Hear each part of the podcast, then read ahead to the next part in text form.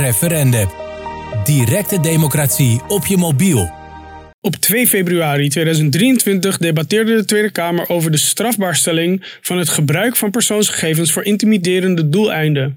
Dit wetsvoorstel, ook bekend als het Doxing-wetsvoorstel, is gericht op het aanpakken van het openbaar maken van persoonlijke en gevoelige informatie om iemand te intimideren. Denk hierbij aan het adres, het telefoonnummer, paspoortgegevens, de werkgever, gegevens van familie of foto's van kinderen. Het wetsvoorstel stelt dat het gebruik van persoonsgegevens om iemand te intimideren strafbaar wordt. De intentie achter het wetsvoorstel is om verschillende groepen, waaronder hulpverleners, journalisten, wetenschappers en politici, te beschermen tegen de gevolgen van doxing.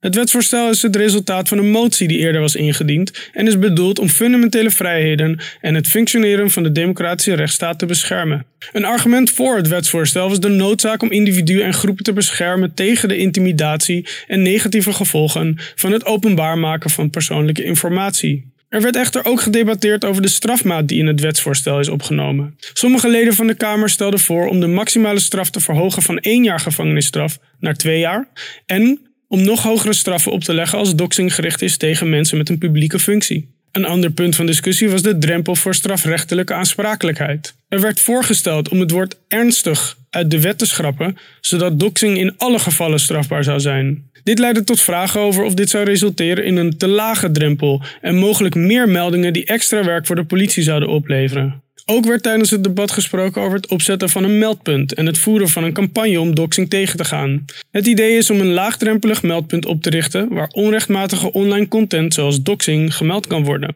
Het wetsvoorstel werd op 7 februari 2023 unaniem aangenomen. En nu is de vraag: wat vind jij? Download nu de app voor iOS en Android. En herwin je waardigheid als burger van een soeverein Nederland. Referendum. Laat je stem gelden. Altijd.